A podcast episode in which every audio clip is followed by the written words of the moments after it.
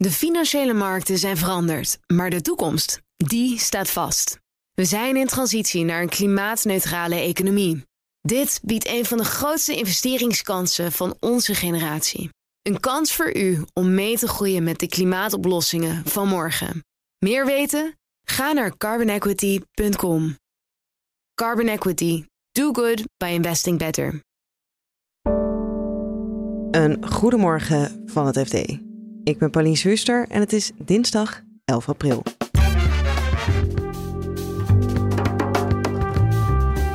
Een nieuwe inrichting van de belasting op vastgoed zorgt voor vertraging van de woningbouwplannen. Toekomstige plannen die worden nu in de ijskast gezet omdat er onzekerheid is over hoe gaat dat fiscaal behandeld worden. En hoe kunnen we het debat over hoe we de energietransitie moeten aanpakken goed voeren? De grootste verbouwing die we, die we waarschijnlijk hebben meegemaakt. We gaan niet een beetje de markt bijstellen. We gaan van een ene markt naar een totaal andere markt toe. En dat hebben we natuurlijk nog niet meegemaakt. Dit is de dagkoers van het FD. Er is onrust in de vastgoedwereld over een wetsvoorstel van staatssecretaris Marnix van Rij. Hij wil namelijk het fiscale voordeel schrappen dat geldt voor kopers en verkopers van nieuw vastgoed. Dat is ondergebracht in een BV. Je hoort onze redacteur belastingen, Laurens Berensen. Nou, je kunt als je nieuwe huurwoningen bouwt, kun je dat uh, op twee manieren doen. Het uh, gebouw neerzetten en dan uh, dat gebouw als, als zodanig verkopen. Dat heet dan verkoop je de stenen. Of je kunt zo'n nieuw gebouw onderbrengen in een BV. En dan bouw je dat gebouw als een BV. En zodra je het dan verkoopt, verkoop je niet het gebouw, maar verkoop je de aandelen waarin dat gebouw is ondergebracht.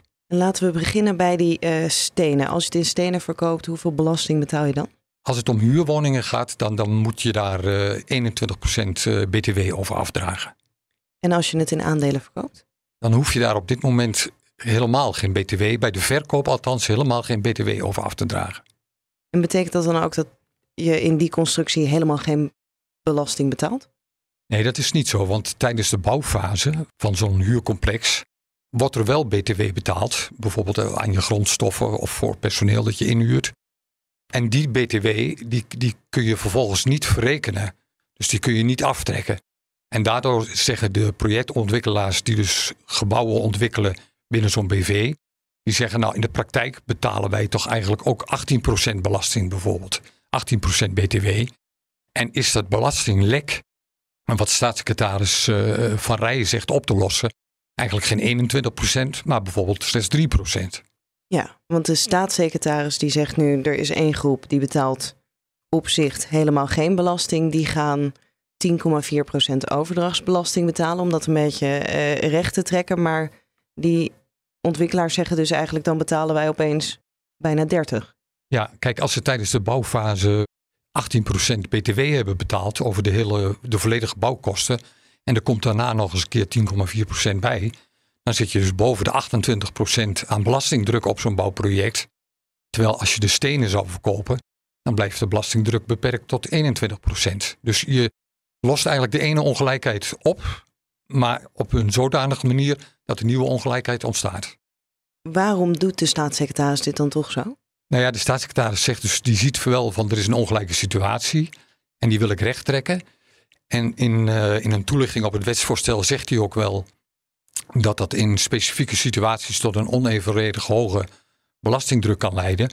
Maar hij zegt van ja, ik vind dat gelijke speelveld, uh, die gelijke concurrentiepositie, die vind ik belangrijker dan dat er af en toe een, uh, een ongelijke of een, of een onevenredig hoge belastingdruk ontstaat. Ja, want het verschilt natuurlijk heel veel met wat voor soort kosten je maakt tijdens het proces, hoe hoog die belastingdruk dan wordt. Ja, want sommige kosten, die, uh, daar zit geen BTW op en andere kosten weer wel. Dus dat, dat hangt ook van allerlei factoren af. Dat, is, uh, dat, dat kan heel verschillend zijn. En wat zeggen ontwikkelaars dan dat hier het effect van gaat worden? Want ik zou denken, je kan dan ook gewoon zeggen, nou dan verkopen we de stenen in plaats van de aandelen als aandelen duurder wordt en dan gaan we gewoon vrolijk verder. Ja, nou ja, kijk, het, het eerste bezwaar dat ze hebben is, uh, er zijn nu al allerlei projecten gestart die uitgaan van de belastingregels zoals ze waren op het moment van de start. Nou ja, en dat moet dan allemaal worden omgerekend. Van kunnen we huurwoningen bouwen voor een bepaalde prijs? Um, er zit geen overgangsregeling in het wetsvoorstel van de staatssecretaris. Dus dat wil zeggen dat de kosten zouden nu opeens een stuk hoger worden. En eigenlijk, dat zeggen die projectontwikkelaars tenminste, ja, dan, dan, dan kunnen die bouwprojecten waar we al mee begonnen zijn, die kunnen niet meer uit. Want er komen hogere kosten. Dan zouden we nog hogere huur moeten vragen. Maar goed, uh, dat is ook lastig. Want ja, mensen hebben al problemen om een, een woonlasten op te brengen. Dus dat is één bezwaar, dat, ze geen, uh, dat er geen overgangsregeling in zit. En tegelijkertijd signaleren ze dat toekomstige plannen, die worden nu in de ijskast gezet, omdat er onzekerheid is over hoe gaat dat fiscaal behandeld worden. Terwijl het kabinet natuurlijk de ambitie heeft om uh, voor 2030 nog 900.000 nieuwe woningen te realiseren. Maar wat ik niet helemaal snap is dat als uh, het uiteindelijk qua belastingen goedkoper wordt om die stenen te verkopen, dan kunnen ze dat toch doen? Ja, dat, dat, dat, dat zou je zeker uh, kunnen doen. Dat, of ja, dat ligt voor de hand. Maar de projectontwikkelaars zeggen ook het feit dat we via zo'n aandelentransactie werken. Dat heeft niet zozeer met dat volgens hun beperkte belastingvoordeel te maken. Maar er zitten ook andere zakelijke en juridische redenen achter. Stel je bijvoorbeeld voor dat je een, een heel groot huurcomplex hebt gebouwd. Maar je wilt dat uh, in delen verkopen. Dus uh, je wilt daar twee beleggers voor interesseren. Nou, dan is het natuurlijk makkelijker om de een 50% van de aandelen te, te, geven en de ander 50% uh, te verkopen. Dan dat je zo'n uh, zo'n complex in tweeën moet splitsen. En, en, en dat de helft van de stenen zeg maar, van de ene belegger is en de andere helft van de stenen van de andere belegger. Of een ander voorbeeld is dat je bijvoorbeeld in zo'n BV, daar zitten ook vergunningen in. Daar zitten contracten in. Nou ja, als je dan de aandelen of de BV verkoopt, gaan die contracten en die vergunningen vanzelf mee. Als je de stenen verkoopt, moeten er allemaal weer aparte regelingen voor worden getroffen. Dus dat maakt ook dat de keuze voor zo'n BV niet alleen een kwestie is van het bescheiden belastingvoordeel. En dan gaan we naar de energietransitie. Daar mag volgens sommige wetenschappers wel wat meer over gediscussieerd worden. Wat de kosten zijn en de baten van bepaalde maatregelen. Algemeen verslaggever Rob de Lange sprak met ze. We hadden het er al een eh, paar weken op de redactie eh, zo af en toe eens over, tussen de bedrijven door of in de kantine bij de lunch, dat het hele klimaatdebat wel een tikkeltje eenzijdig was. En dat er toch steeds meer economen zijn die geen klimaatontkenner zijn. En dat zijn wij natuurlijk ook niet. Maar die wel hun vraagtekens zetten bij zeg maar even het tempo wanneer, waarin we die transitie nu ingaan. En toen dachten we van is het niet een idee om te kijken of we daar uh, een stuk over kunnen schrijven. Die economen, wat is dan hun grootste zorg? Wat zijn hun de grootste zorg is dat het tempo waarin de, de hele klimaat, het hele klimaatbeleid en de, en de doelen die gesteld worden, dat die zo uh, streng zijn en zo uh, rigide zijn, dat de gevolgen daarvan onvoldoende belicht worden. Dus bijvoorbeeld, wat gaat het kosten? Wat gaat het bedrijven kosten? Maar misschien nog wel veel belangrijker, wat gaat het de burgers kosten?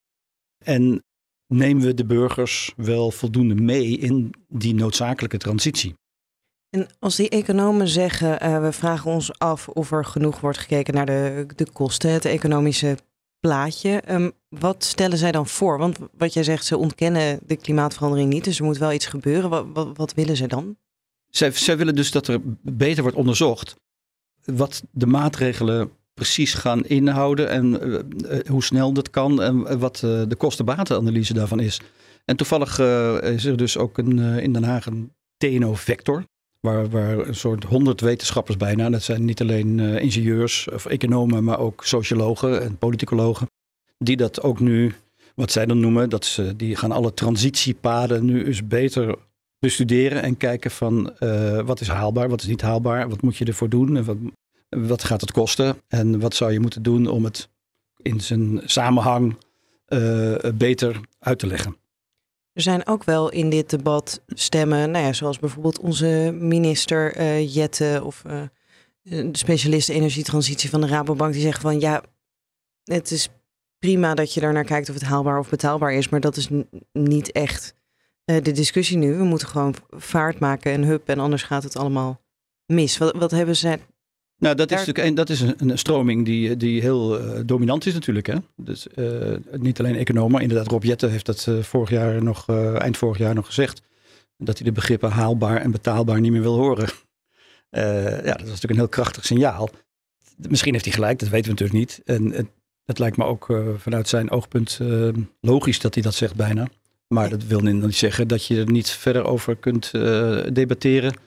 Wat er binnen die haalbaarheid en betaalbaarheid voor opties zijn en alternatieven zijn. Ja, en dan is er ook nog discussie over: moeten we bijvoorbeeld een doel stellen qua uh, reductie van uh, CO2-uitstoot? Uh, bijvoorbeeld, hoe staan die verschillende partijen die jullie hebben gesproken daarin? Nou, dat, daar, daar zie je inderdaad een, een schisma, kun je zeggen. Dat, sommigen zeggen van als je geen duidelijke doelen stelt, bijvoorbeeld alle brandstofauto's in 2035 uit, uit de wereld. Als je dat, dat doel niet zo scherp stelt, dan, dan vertraag je ook weer de innovatie die, om dat tot het doel te komen. Terwijl de andere stroming zegt, nou ja, laten we toch eens even nadenken of dat nou wel zo verstandig is. En wat, waar zadel je de maatschappij dan mee op als je zo'n strenge doel, uh, zo'n streng doel stelt? Ja, ik denk wel dat er wat mensen zijn die nu misschien luisteren die denken van ja, economisch snap ik dit misschien, maar ja, we moeten nou eenmaal met elkaar hebben die mensen dan wel de urgentie door. Nou, de, de, iedereen die wij gesproken hebben, die, uh, en dat geldt voor ons, voor, voor Marijn en mij ook. Tuurlijk, de, de urgentie zien we wel. Maar dat, dat neemt toch niet weg dat je uh, mag nadenken.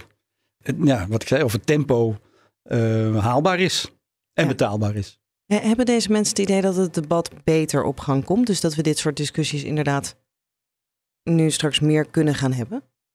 Ik denk het wel, ja. En je weet ook niet hoe hoe snel uh, die transitie ook uh, voelbaar is in de samenleving. Dat weten we natuurlijk ook nog niet precies. Nee, en of dus er dan zou... onrust over komt. En of er onrust over komt. En misschien zelfs wel electorale onrust. Dat kan natuurlijk ook als mensen niet voldoende het gevoel hebben dat ze serieus worden genomen. Of dat ze iets te winnen hebben bij deze, bij deze grote verbouwing van de samenleving. Want vergis je niet, het is natuurlijk de, de grootste verbouwing die we, die we waarschijnlijk hebben meegemaakt. We, we gaan niet een beetje de markt bijstellen. We gaan van een ene markt naar een totaal andere markt toe.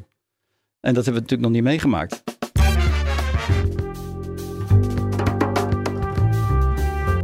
Dit was de dagkoers van het FD. Morgenochtend is er weer een nieuwe aflevering. En als je in je podcast-app abonneert op dagkoers, dan krijg je die automatisch binnen. En vergeet ook niet fd.nl voor het laatste financieel-economisch nieuws. Nog een hele fijne dag en graag tot morgen.